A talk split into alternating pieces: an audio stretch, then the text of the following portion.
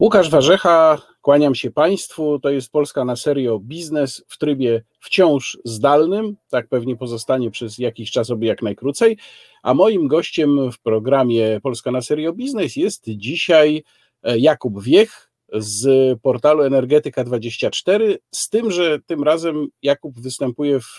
roli e, trochę innej, to znaczy jako współautor raportu napisanego dla Warsaw Enterprise Institute, y, którego członkowie również goszczą często w naszym programie. Y, raport nosi tytuł Drogi Nowy Ład. I tu nie chodzi o to, że on jest drogi w tym sensie, że go lubimy tak bardzo, mówimy do niego drogi, nowy ładzie, tylko raczej niestety chodzi o to, że on jest drogi finansowo. Mówimy oczywiście o nowym europejskim, nowym ładzie, nowym ładzie energetycznym, związanym z kwestiami zmian klimatycznych. Ja nie chcę tutaj e, wchodzić w to, od czego raport się zaczyna, bo on się zaczyna od konkluzji takiej, że jest konsensu, konsens, czy też konsensus naukowy dotyczący wpływu człowieka na zmiany klimatu, to odłóżmy na bok, choć może później trochę jeszcze pozwolę sobie o to zahaczyć, ale przede wszystkim no, sama konkluzja i wydźwięk tego raportu, które już wynikają z jego tytułu, trochę studzi pewne zapały czy entuzjazm niektórych środowisk w Polsce dotyczących właśnie tego mm, rozwiązania, tej strategii europejskiej. E, no bo w pewnym momencie mm, poszło to w tę stronę, że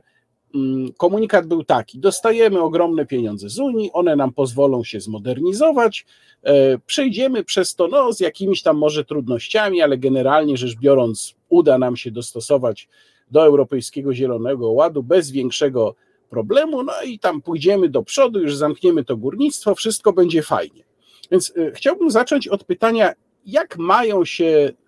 te sumy, które możemy otrzymać z Unii Europejskiej na dojście do wymogów, które Unia postawi nam w ramach Europejskiego Zielonego Ładu, jak te pieniądze mają się do naszych potencjalnych kosztów, do naszych potrzeb? Tak naprawdę na to pytanie jeszcze nikt do końca nie potrafi odpowiedzieć, bo y, Europejski Zielony Ład to jest y, polityka, która swoją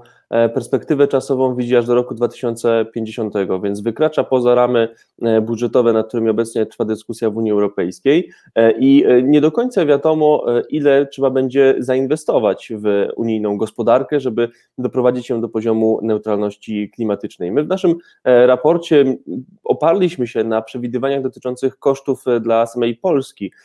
jeżeli chodzi o dojście do neutralności klimatycznej. I tutaj te liczby no, wprawiają w E, takie osłupienie, e, gdyż e, ma się cały czas świadomość, że są one obarczone dużym błędem, wynikającym między innymi właśnie z tego, że mamy pandemię koronawirusa, która nie wiadomo jak będzie oddziaływać na naszą gospodarkę i jak długo, no a z drugiej strony też wiemy, że realizacja takich przedsięwzięć daleko idących, jeżeli chodzi o transformację energetyczną, też jest często E, obarczona właśnie problemami, jeżeli chodzi o trzymanie się ram budżetowych, e, o czym mogą świadczyć chociażby Niemcy realizując swoją e, energiewende, którzy robią tą politykę od 20 lat mniej więcej transformacji i chociaż według wstępnych zapowiedzi, zapowiedzi mieli oni płacić, typowy Niemiec miał płacić za energiewende mniej niż za gałkę lodów miesięcznie, tak mówił minister Jürgen Trittin, E, to w tym momencie, w samym tylko e, wrześniu 2020 roku, wsparcie niemieckich źródeł e, odnawialnych kosztowało 3 miliardy euro i te koszty przełożyły się między innymi na to, że Niemcy, jeżeli chodzi o odbiorców końcowych indywidualnych, mają najdroższy prąd w Europie. Więc te koszty są na razie liczone bardzo szacunkowo. Myśmy przyjęli, że nawet do 850 miliardów euro dla Polski, jeżeli chodzi o tą transformację w, celu, w kierunku Zielonego Ładu, mogą one wynieść. Natomiast jeżeli chodzi o te fundusze, które jesteśmy w stanie potencjalnie otrzymać, to też są oczywiście duże pieniądze, które są wypłacane przez Fundusz Sprawiedliwej Transformacji, Mechanizm Sprawiedliwej Transformacji, czy, który jest takim głównym narzędziem finansowym, jeżeli chodzi o realizację Zielonego Ładu. No ale jeżeli spojrzymy na to, jakie trzeba ponieść e, koszty przy transformacji naszej gospodarki, to możemy śmiało założyć, że e, w, no, te, te fundusze na pewno nie wystarczą. E, I jeżeli chcemy naprawdę dążyć do w osiągnięcia neutralności klimatycznej, to musimy też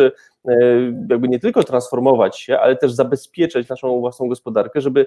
uniknąć takich sytuacji, jaka ma miejsce chociażby teraz w Krakowie, gdzie zakład ArcelorMittal ogłosił, że zamyka swoją część, gdyż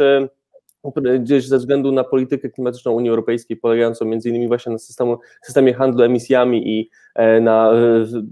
odpowiednich e, ciężarach dla, dla przemysłu, no nie jest opłacalne już prowadzenie tej działalności e, hutniczej w, w, w Polsce, w kraju Unii Europejskiej. Więc to są dodatkowe koszty, które myślę, że będą się pojawiać, dlatego dyskusja jakakolwiek o konkretnych pieniądzach w tym momencie w kontekście Zielonego Ładu jest bardzo trudna. Wspomniałeś przed momentem o kwestii koronawirusa i jego wpływu na gospodarkę, ja stawiałem na początku, jeszcze na wiosnę, taką tezę, że być może ta epidemia, która była to wiadomo już wtedy, będzie miała ogromny wpływ na gospodarki. No, dzisiaj, kiedy duża część państw dotkniętych epidemią y, decyduje się na ponowne lockdowny, koszty będą jeszcze bardziej rosnąć, bo przecież gospodarki nie zdążyły mm, odrobić strat jeszcze po wiośnie więc nawet wolę nie myśleć, w jakie to będzie sumy szło. No to już pewnie mówimy tutaj o, o bilionach euro. I zastanawiałem się jeszcze na wiosnę, czy to nie jest tak, że ta sytuacja powinna spowodować jakąś rewizję tych unijnych planów. No w związku z tym, że generalnie rzecz biorąc, ludzie zbiednieją przez pandemię, to jest nieuchronne, mm, no to powinno się te cele poluzować. A tymczasem dzieje się coś kompletnie przeciwnego. Czy obserwując politykę klimatyczną, to co się wokół niej dzieje, jaka tam gra się odbywa, w ogóle zauważyłeś takie głosy nawołujące do tego, żeby zrewidować w dół te, cel, te cele um, lub opóźnić ich wykonanie, właśnie w związku z tym, co się wydarzyło um, ze względu na epidemię koronawirusa, jak to wpłynęło na europejskie gospodarki? E, owszem, takie głosy się pojawiły, e, między innymi z Polski, ale także w Niemczech e, trwała dyskusja na taki temat. Natomiast to była dyskusja w kręgach, powiedzmy, no, nie mainstreamowych, jeżeli chodzi o politykę klimatyczną. Generalnie elita, która w tym momencie polityczna Unii Europejskiej, która jest odpowiedzialna za kształtowanie Zielonego Ładu i która wysunęła te propozycje, stoi twardo na stanowisku, że ta polityka będzie e, realizowana i właśnie jej e, rygory będą zacieśniane, o czym mogliśmy się przekonać niedawno, kiedy pojawił się na stole pomysły podwyższenia celów redukcyjnych e, Unii Europejskiej na rok 2030 e, w taki sposób, żeby były one dostosowane do ścieżki redukcji przewidywanej przez e, Europejski Zielony Ład. Generalnie to, ta polityka, to dojście do neutralności klimatycznej do 2050 roku w tym momencie jest czymś więcej niż tylko polityką gospodarczą dla Unii Europejskiej. To jest coś, co ma być nowym spoiwem dla wszystkich państw członkowskich, co jest bardzo Unii potrzebne w sytuacji, kiedy mamy Brexit, narastające spięcia wewnętrzne, i ten e, podział na nową i starą e, Unię, e, to generalnie Bruksela znalazła sobie spoiwo właśnie w postaci jakiejś szeroko pojętej polityki gospodarczo-klimatycznej, ukierunkowanej przede wszystkim na przemysł i energetykę i to ma zespolić te pozostałe po Brexicie państwa członkowskie właśnie w jeden spójny organizm i być takim wehikułem politycznym właśnie wejdę ci w słowo, bo to jest bardzo ciekawy wątek, który mm, zacząłeś. Czy to można rozumieć w ten sposób, że niezależnie od kosztów dla obywateli, Unia Europejska znalazła sobie właśnie jakiś pomysł na polityczne zaistnienie, bo innych pomysłów nie ma, no bo taka jest prawda, że innych pomysłów nie ma. Tylko teraz zastanawia mnie jedna rzecz, czy to nie jest bardzo krótkowzroczne, bo jeżeli realizacja polityki klimatycznej w kontekście kosztów związanych z epidemią spowoduje, że w jakiejś liczbie państw e, będą narastać społeczne napięcia, no bo ludzie zbiednieją, a jednocześnie będą musieli wyraźnie więcej płacić za tę politykę klimatyczną, to czy nie wydaje ci się, że końcowy efekt tego może być przeciwny od zamierzonego? To znaczy, że nie będziemy mieli do czynienia z czymś, co Unię spaja, ale przeciwnie, ludzie zaczną upatrywać w Unii źródła swoich problemów bytowych na co dzień, a w związku z tym wzrośnie sentyment antyunijny. To jest jedno z większych zagrożeń, jakie stoi e, na drodze do realizacji bardzo ambitnych założeń e, Zielonego Ładu. Oczywiście e, jest już teraz widoczny pewien trend w państwach członkowskich Unii Europejskiej. Na razie w partiach, które są niejako opozycyjne względem mainstreamu, bądź w ich frakcjach stojących bardziej właśnie w opozycji do mainstreamu, jeżeli chodzi o politykę klimatyczną, żeby podnosić ten zarzut, że polityka klimatyczna Unii Europejskiej po pierwsze jest szkodliwa dla gospodarki i po drugie e, nie przynosi e, postulowanych e, efektów. I znowu odwołam się tutaj do, do przykładu Niemiec. Tam partia skrajnie prawicowa, AfD, podnosi właśnie takie e, postulaty, żąda między innymi przedłużenia e, pracy elektrowni i kopalni e, węgla, natomiast generalnie to, odpowiedź na to pytanie jest tak naprawdę połączona z odpowiedzią na to, czy, czy jesteśmy w stanie podołać bardzo ambitnym celom neutralności klimatycznej i w ogóle Zielonego Ładu i czy w, pozwoli na to kondycja gospodarcza Unii Europejskiej, bo to jest ten dobrostan obywateli, który ma być osiągnięty przez przez e, między innymi właśnie Zielony Ład, bo to jest też e, jeden z argumentów e, z zwolenników tej polityki, że ta, ta, ta droga, ten proces dochodzenia do neutralności klimatycznej nie będzie obciążeniem dla gospodarki, ale wręcz przeciwnie, będzie kołem zamachowym i pozwoli popchnąć unijną gospodarkę na nowy etap, gdzie będzie opierała się na nowych branżach wykreowanych między innymi właśnie przez finansowanie dopłaty z Unii Europejskiej i odpowiednie ukształtowanie rynku. No jeżeli to się uda, to tutaj te, te, te wstrząsy społeczne będą, będą niewielkie i e, jednak trochę e, biorąc pod uwagę e, to, jak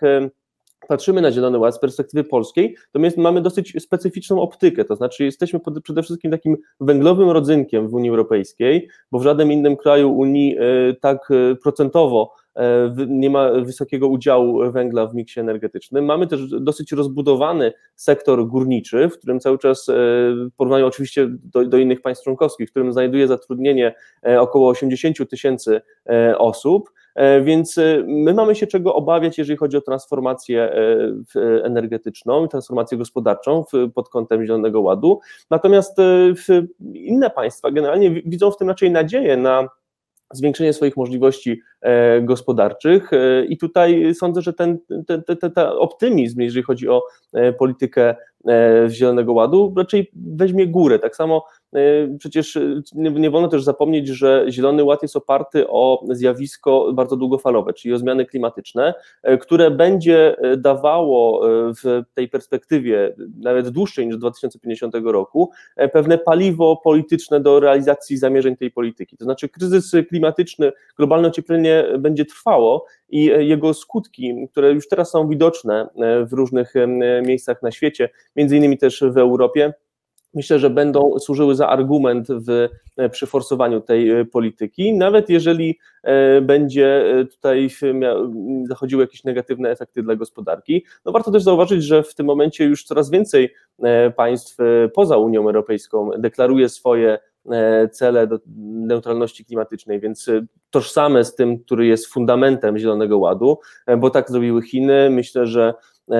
jeżeli na przykład w Stanach Zjednoczonych wygra Joe Biden, to Stany Zjednoczone również zadeklarują taki, taki właśnie e, cel. Także uważam, że w, w tym momencie w światowej polityce doszło do pewnego przełomu, e, między innymi właśnie za sprawą inicjatywy Unii Europejskiej, która chce być pierwszym neutralny,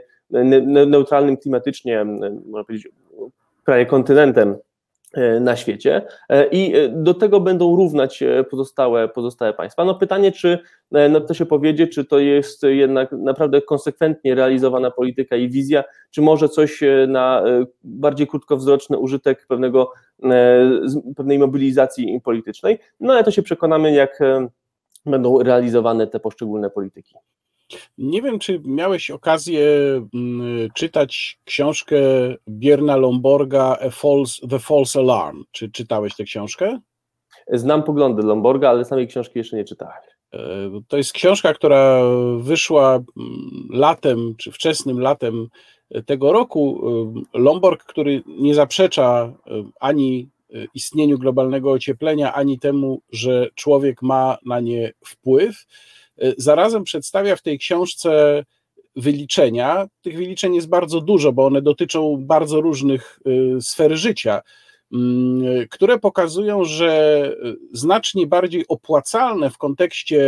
konkretnych liczb, czyli po prostu wzrostu PKB, bo on tutaj to przede wszystkim bierze jako podstawowy wyznacznik, znacznie bardziej opłacalne byłoby dostosowywanie się do zmian klimatu, które jego zdaniem można w ten sposób w dużej mierze zneutralizować, niż prowadzenie tak kosztownych polityk, jak na przykład ta przewidziana w porozumieniu paryskim, które on w ogóle tam zrównuje z Ziemią, czy właśnie cel neutralności klimatycznej. Mm, czy tego typu wyliczenia, kalkulacje gdzieś w kontekście Europejskiego Zielonego Ładu w ogóle się pojawiają? E, znam takie wyliczenia, które e, dowodziły między innymi e, tego, jak będzie wyglądać, można powiedzieć, część kosztów ponoszonych ze względu na globalne ocieplenie, czyli koszty generowane chociażby przez zwiększenie częstotliwości gwałtownych zjawisk pogodowych. Natomiast jeżeli chodzi już o, o Zielony Ład, to nie znam tych wyliczeń, które w, konkretnie E, potrafiłyby zestawić e, koszty Zielonego Ładu i polityki dostosowywania się do, e, do, do zmian klimatycznych. Wiem, że generalnie są przyjęte modele, tak zwane business as usual, które pozwalają raczej wyliczyć to, jak będzie postępowało globalne ocieplenie, jeżeli przyjmiemy właśnie tą politykę business as usual, czyli nie będziemy robić nic i jakie tutaj będą koszty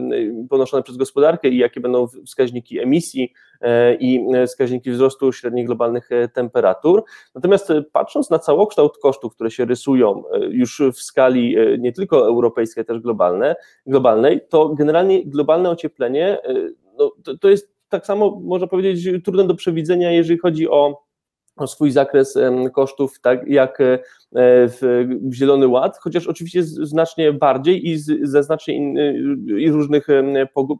powodów. Mianowicie, e, jeżeli przyjmiemy, że będziemy się dostosowywać do e, zmian klimatu niż im zapobiegać, to jesteśmy postawieni przed sytuacją, w której owszem, bogata północ jakoś sobie poradzi E, i e, nawet ponosząc pewien uszczerbek do, e, do, dla swoich gospodarek przez pewien czas będzie w stanie utrzymać funkcjonowanie swojego swojego systemu gospodarczego, społecznego i politycznego. Natomiast kraje mniej zamożne, kraje biednej, biednego południa, będą postawione przed sytuacją, w której ich podstawy funkcjonowania zostaną zagrożone, bo wzrost E, średnich globalnych temperatur, który e, postępuje, doprowadzi między innymi do zaburzeń, i to też jest wskazywane przez e, szereg raportów, w krajach Afryki subsaharyjskiej i w ogóle w Afryce, gdzie występuje w tym momencie eksplozja demograficzna. I za 30 lat co trzeci młody człowiek będzie żył właśnie w regionie Afryki subsaharyjskiej. E, I pytanie, co się wtedy będzie działo z takimi regionami, które będą no, taką beczką prochu, czy tam nastąpią gigantyczne migracje, znacznie większe niż to, co widzieliśmy w 2015 roku, czy będzie tam, e, w, będą tam prowadzone wojny, które na przykład zaburzą e, w, w ogóle światową gospodarkę, poprzez e, brak dostępu do niektórych e, surowców. No, pytanie też, e, co z, ile wynoszą koszty dostosowawcze państw, które są państwami nadmorskimi, będą się borykać z postępującym już wzrostem poziomu, poziomu morza. Pytanie, co w, w takiej sytuacji mają też robić kraje, które w, w tym momencie już e, borykają się właśnie z, z, e, z, z, zmiennością pogodową uderzającą w ich gospodarkę. Takie zjawiska już obserwujemy nawet w Europie. Tych kosztów generowanych przez globalne ocieplenie jest naprawdę bardzo dużo i myślę, że tak długo jak jest możliwość działania przeciwko takim następstwom, to powinniśmy to robić. I te szacunki w tym momencie z racji kompleksowości tego zjawiska, E, globalnego ocieplenia, myślę, że cały czas ukierunkowane są raczej na to, żeby zapobiegać, niż e, potem leczyć e, objawy tego, tego procesu, bo generalnie na globalnym ociepleniu stracimy wszyscy i to te straty, które spowoduje ten, ten proces, mogą być szalenie niebezpieczne już dla fundamentów naszej cywilizacji. Ja tutaj nie chcę wieszczyć, bo to bardzo łatwo zostać posądzonym o takie apokaliptyczne wizje, że za 30 lat skończy się, skończy się świat. Nie, myślę, że to będzie rozłożone w czasie, natomiast skutki będą jednoznacznie negatywne i generalnie, jeżeli sięgniemy E, w, do przeszłości, to Rzeczpospolita Polska już raz została dotknięta e, przez negatywne efekty zmian klimatycznych, co prawda idących w odwrotnym kierunku. Natomiast kiedy e, świat wszedł w epokę, w małą epokę lodową, to oparta na rolnictwie pierwsza Rzeczpospolita zaczęła się borykać z problemami gospodarczymi, bo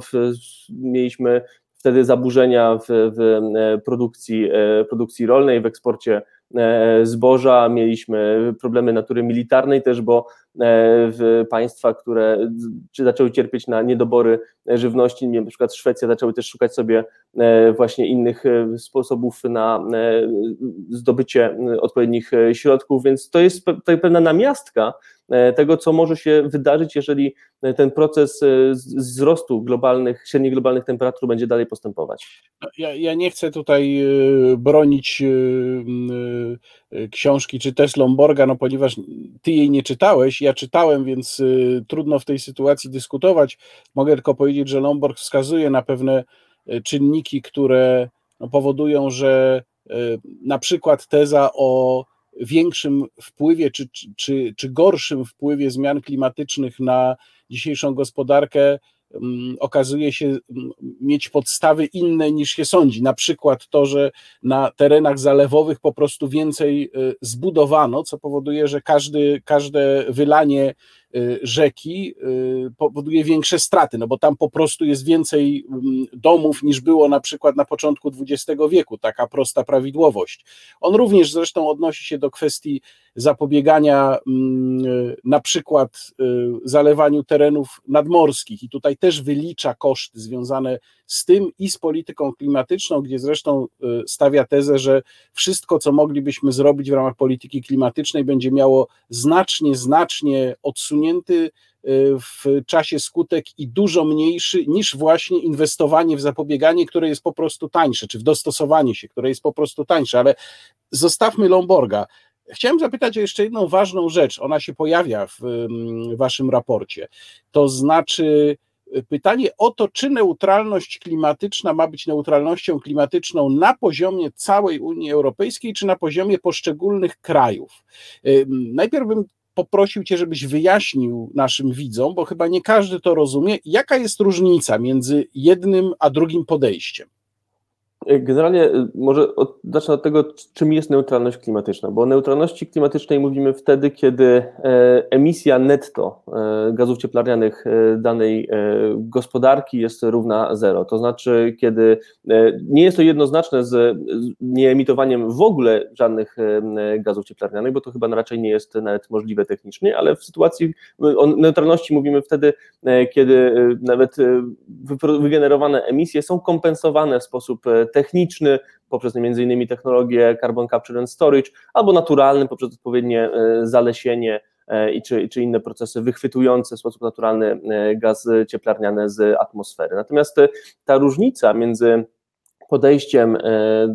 do poszczególnych krajów czy do Unii per saldo jest o tyle istotna, że z racji tego, iż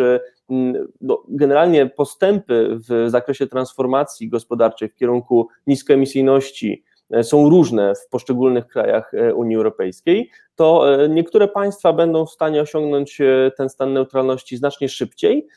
niż, niż inne, i to będzie rodzić znowu kolejny podział w Unii Europejskiej na te kraje, które z różnych względów są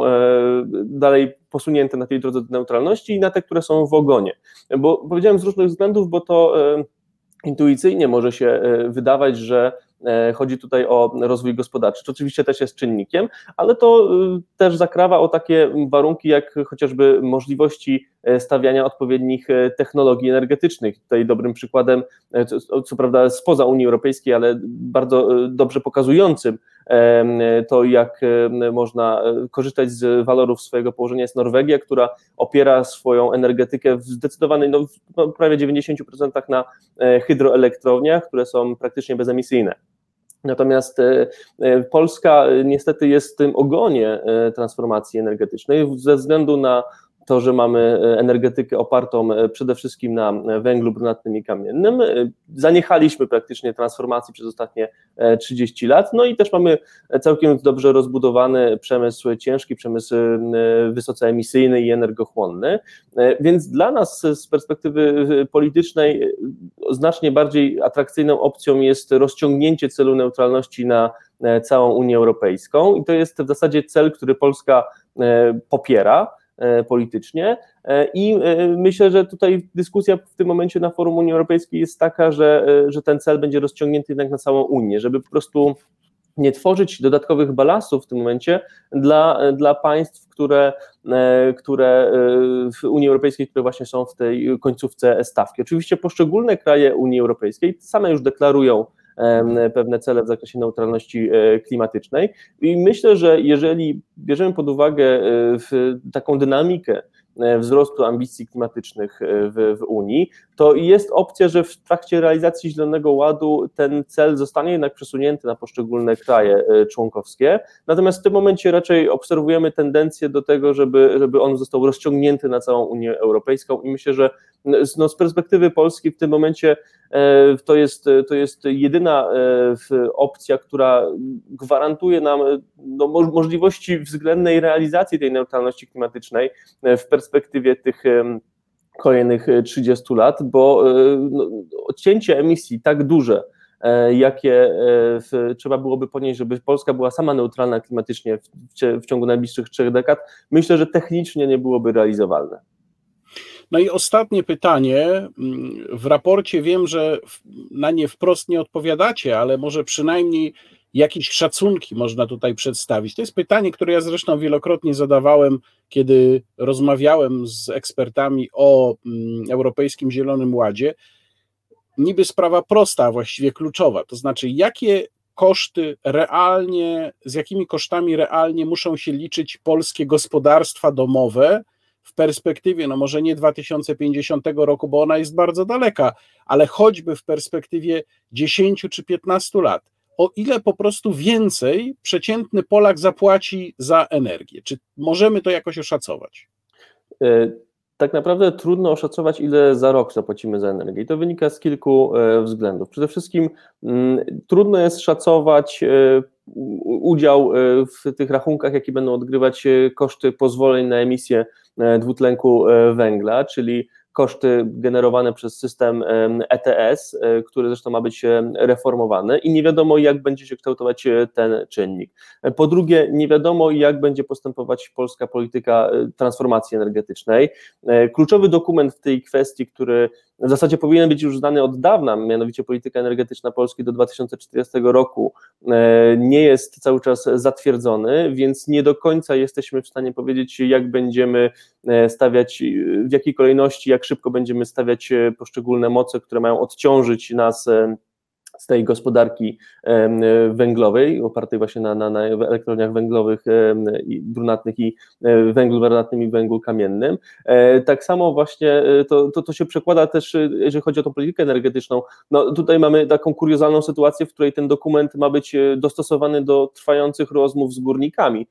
czyli sektor, który ma być miał być teoretycznie przecież podporządkowany transformacji energetycznej, będzie dyktował e, cały jej przebieg i, i to od tego, co rząd ustali z górniczymi związkowcami, będzie zależało tempo tej, e, tej transformacji. No, nie wiemy też, tutaj już trzeci czynnik, jakie będzie zapotrzebowanie generalnie na e, energię. Nie wiemy, jakie będą wskaźniki importu energii elektrycznej, którą w tym momencie ratuje się Polska, więc tych, y, tych zagadek, tych niewiadomych jest naprawdę bardzo, bardzo dużo. Wiemy na pewno, że transformacja w kierunku niskoemisyjności to jest coś niesamowicie kosztownego i droga, e, którą Unia Europejska e, narzuca w tej kwestii jest bardzo forsowna. Bo, bo tutaj nawet te cele na rok 2030 są bardzo ambitne, a zostały przecież podwyższone. I tak samo cele rok 2020, które w tym momencie powinniśmy spełniać, myślę, że będą takim pierwszym kubłem zimnej wody dla, dla polityków unijnych, bo wskażą, że szereg państw członkowskich ma problemy z realizacją tych zamierzeń dotyczących chociażby cięcia emisji czy udziału e, źródeł odnawialnych w miksach e, energetycznych. Więc to pytanie o koszty e, w ogóle jest bardzo, jest bardzo trudne i, i tutaj składanie pewnych konkretnych kalkulacji myślę, że w tym momencie ma za zadanie tylko raczej usadzić w, jakby odbiorcę w odpowiednim rzędzie wielkości E, o którym mowa w kwestii transformacji e, energetycznej i ich kosztów. Natomiast określenie jakichkolwiek konkretnych wartości w tym, w tym zakresie i zagwarantowanie, że to się mniej więcej będzie toczyć e, na takim poziomie jest czymś no, bardzo ryzykownym i rzekłbym nawet niemożliwym, jest taką trochę ruletką, bo tych czynników wpływających na ukształtowanie tych, tych kosztów jest naprawdę bardzo dużo e, i większość z nich nie jest możliwa do e, przewidzenia i do e, oszacowania, jeżeli chodzi o rozwój w następnych kilku latach, a co dopiero w tych trzech dekadach, które dzielą nas od roku 2050. Tylko pozwolę sobie w takim razie na taką konkluzję, e, z którą możesz oczywiście polemizować jeszcze, że w moim odczuciu rzucanie się na taką politykę, wchodzenie na taką drogę w sytuacji, kiedy nie możemy tak naprawdę powiedzieć, ile nas to będzie kosztowało, wiemy tylko, że te koszty będą gigantyczne, mnie się wydaje po prostu niepoważne, no bo to jest obarczanie obywateli jakimiś kosztami, które mogą przewyższyć to, co oni są w stanie zarobić, czy mogą ich wpędzić wręcz w biedę, wielu z nich, w imię jakiegoś celu politycznego, czy e, no właściwie politycznego, bo to powiedzieliśmy na początku tej rozmowy, mm, no i bez możliwości powiedzenia im, co będzie ich czekało w przyszłości. Ja mam obawy, które są e, niejako związane, ale troszeczkę może na innej płaszczyźnie. Mianowicie chodzi o rozłożenie akcentów między polityka a klimatyczna. Obawiam się po prostu, że nowy Zielony Ład, że Europejski Zielony Ład będzie bardziej polityką, a te kwestie klimatyczne zostaną niejako zepchnięte na, na drugi tor i to rodzi z kolei obawy właśnie o efektywność wydawanych środków e, z, z, z tych budżetów i z, ze środków państw, państw członkowskich, które mają być przeznaczone na ten cel. Po prostu patrząc na do, dotychczasowe doświadczenia, w kwestii realizacji polityk e, energetycznych e, w Europie. E, mam obawy, że, że ta ten gigantyczny mechanizm, ten potężny wehikuł polityczny zostanie niejako w, zagarnięty przez mniejszą grupę państw członkowskich, które będą używać w dużej mierze do realizacji też swoich celów gospodarczych i to będzie oznaczało właśnie przede wszystkim wzmocnienie podziałów Unii e, i e, też e, no, szkody dla tego celu klimatycznego, który sobie stawia cel Unia Europejska w tym zakresie. I jednym z, takich, z takich jaskółek zwiastujących ten, możliwość takiego problemu jest neutralność technologiczna Unii Europejskiej, która myślę, że możemy powiedzieć, że została niejako zaburzona podczas e, rozmów o taksonomii, czyli takiej powiedzmy agendzie inwestycyjnej Unii Europejskiej, gdzie e, czyste technologie jądrowe zostały postawione pod znakiem zapytania na równi z, z technologiami gazowymi, jeżeli chodzi właśnie o możliwości inwestycji środków e, europejskich, e, co rodzi taką, taką smutną konkluzję, że tutaj czysta i bezemisyjna praktycznie energetyka jądrowa jest traktowana tak samo jak e, energetyka oparta na paliwie kopalnym, jakim przecież jest gaz, gaz ziemny. To są takie obawy, które no też wyciągnąłem z, z obserwacji niemieckiej transformacji energetycznej, bo tym się w dużej mierze zajmuję i, i właśnie ten, ten, to, ten problem z rozłożeniem akcentów między polityką a klimatem, w projektowaniu e, zielonego, zielonego ładu może być jednym z tych czynników, które będą e, właśnie przeciwskuteczne w realizowaniu e, celu spojenia Unii Europejskiej taką, taką polityką klimatyczną. Mam nadzieję, że do tego nie dojdzie. Mam nadzieję też, że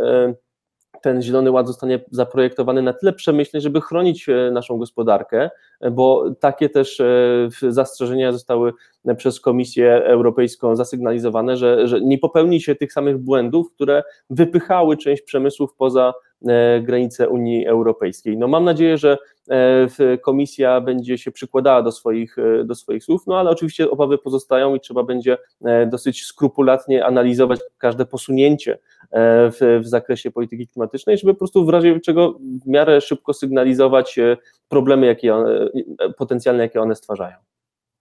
Bardzo Ci dziękuję. Naszym gościem w programie Polska na Serio Biznes był Jakub Wiech z portalu Energetyka24, jednocześnie współautor wraz z panami Marcelem Lesikiem i Szymonem Dziubickim raportu dla Warsaw Enterprise Institute zatytułowanego Drogi Nowy Ład. Raport mogą Państwo znaleźć oczywiście na stronach Warsaw Enterprise Institute.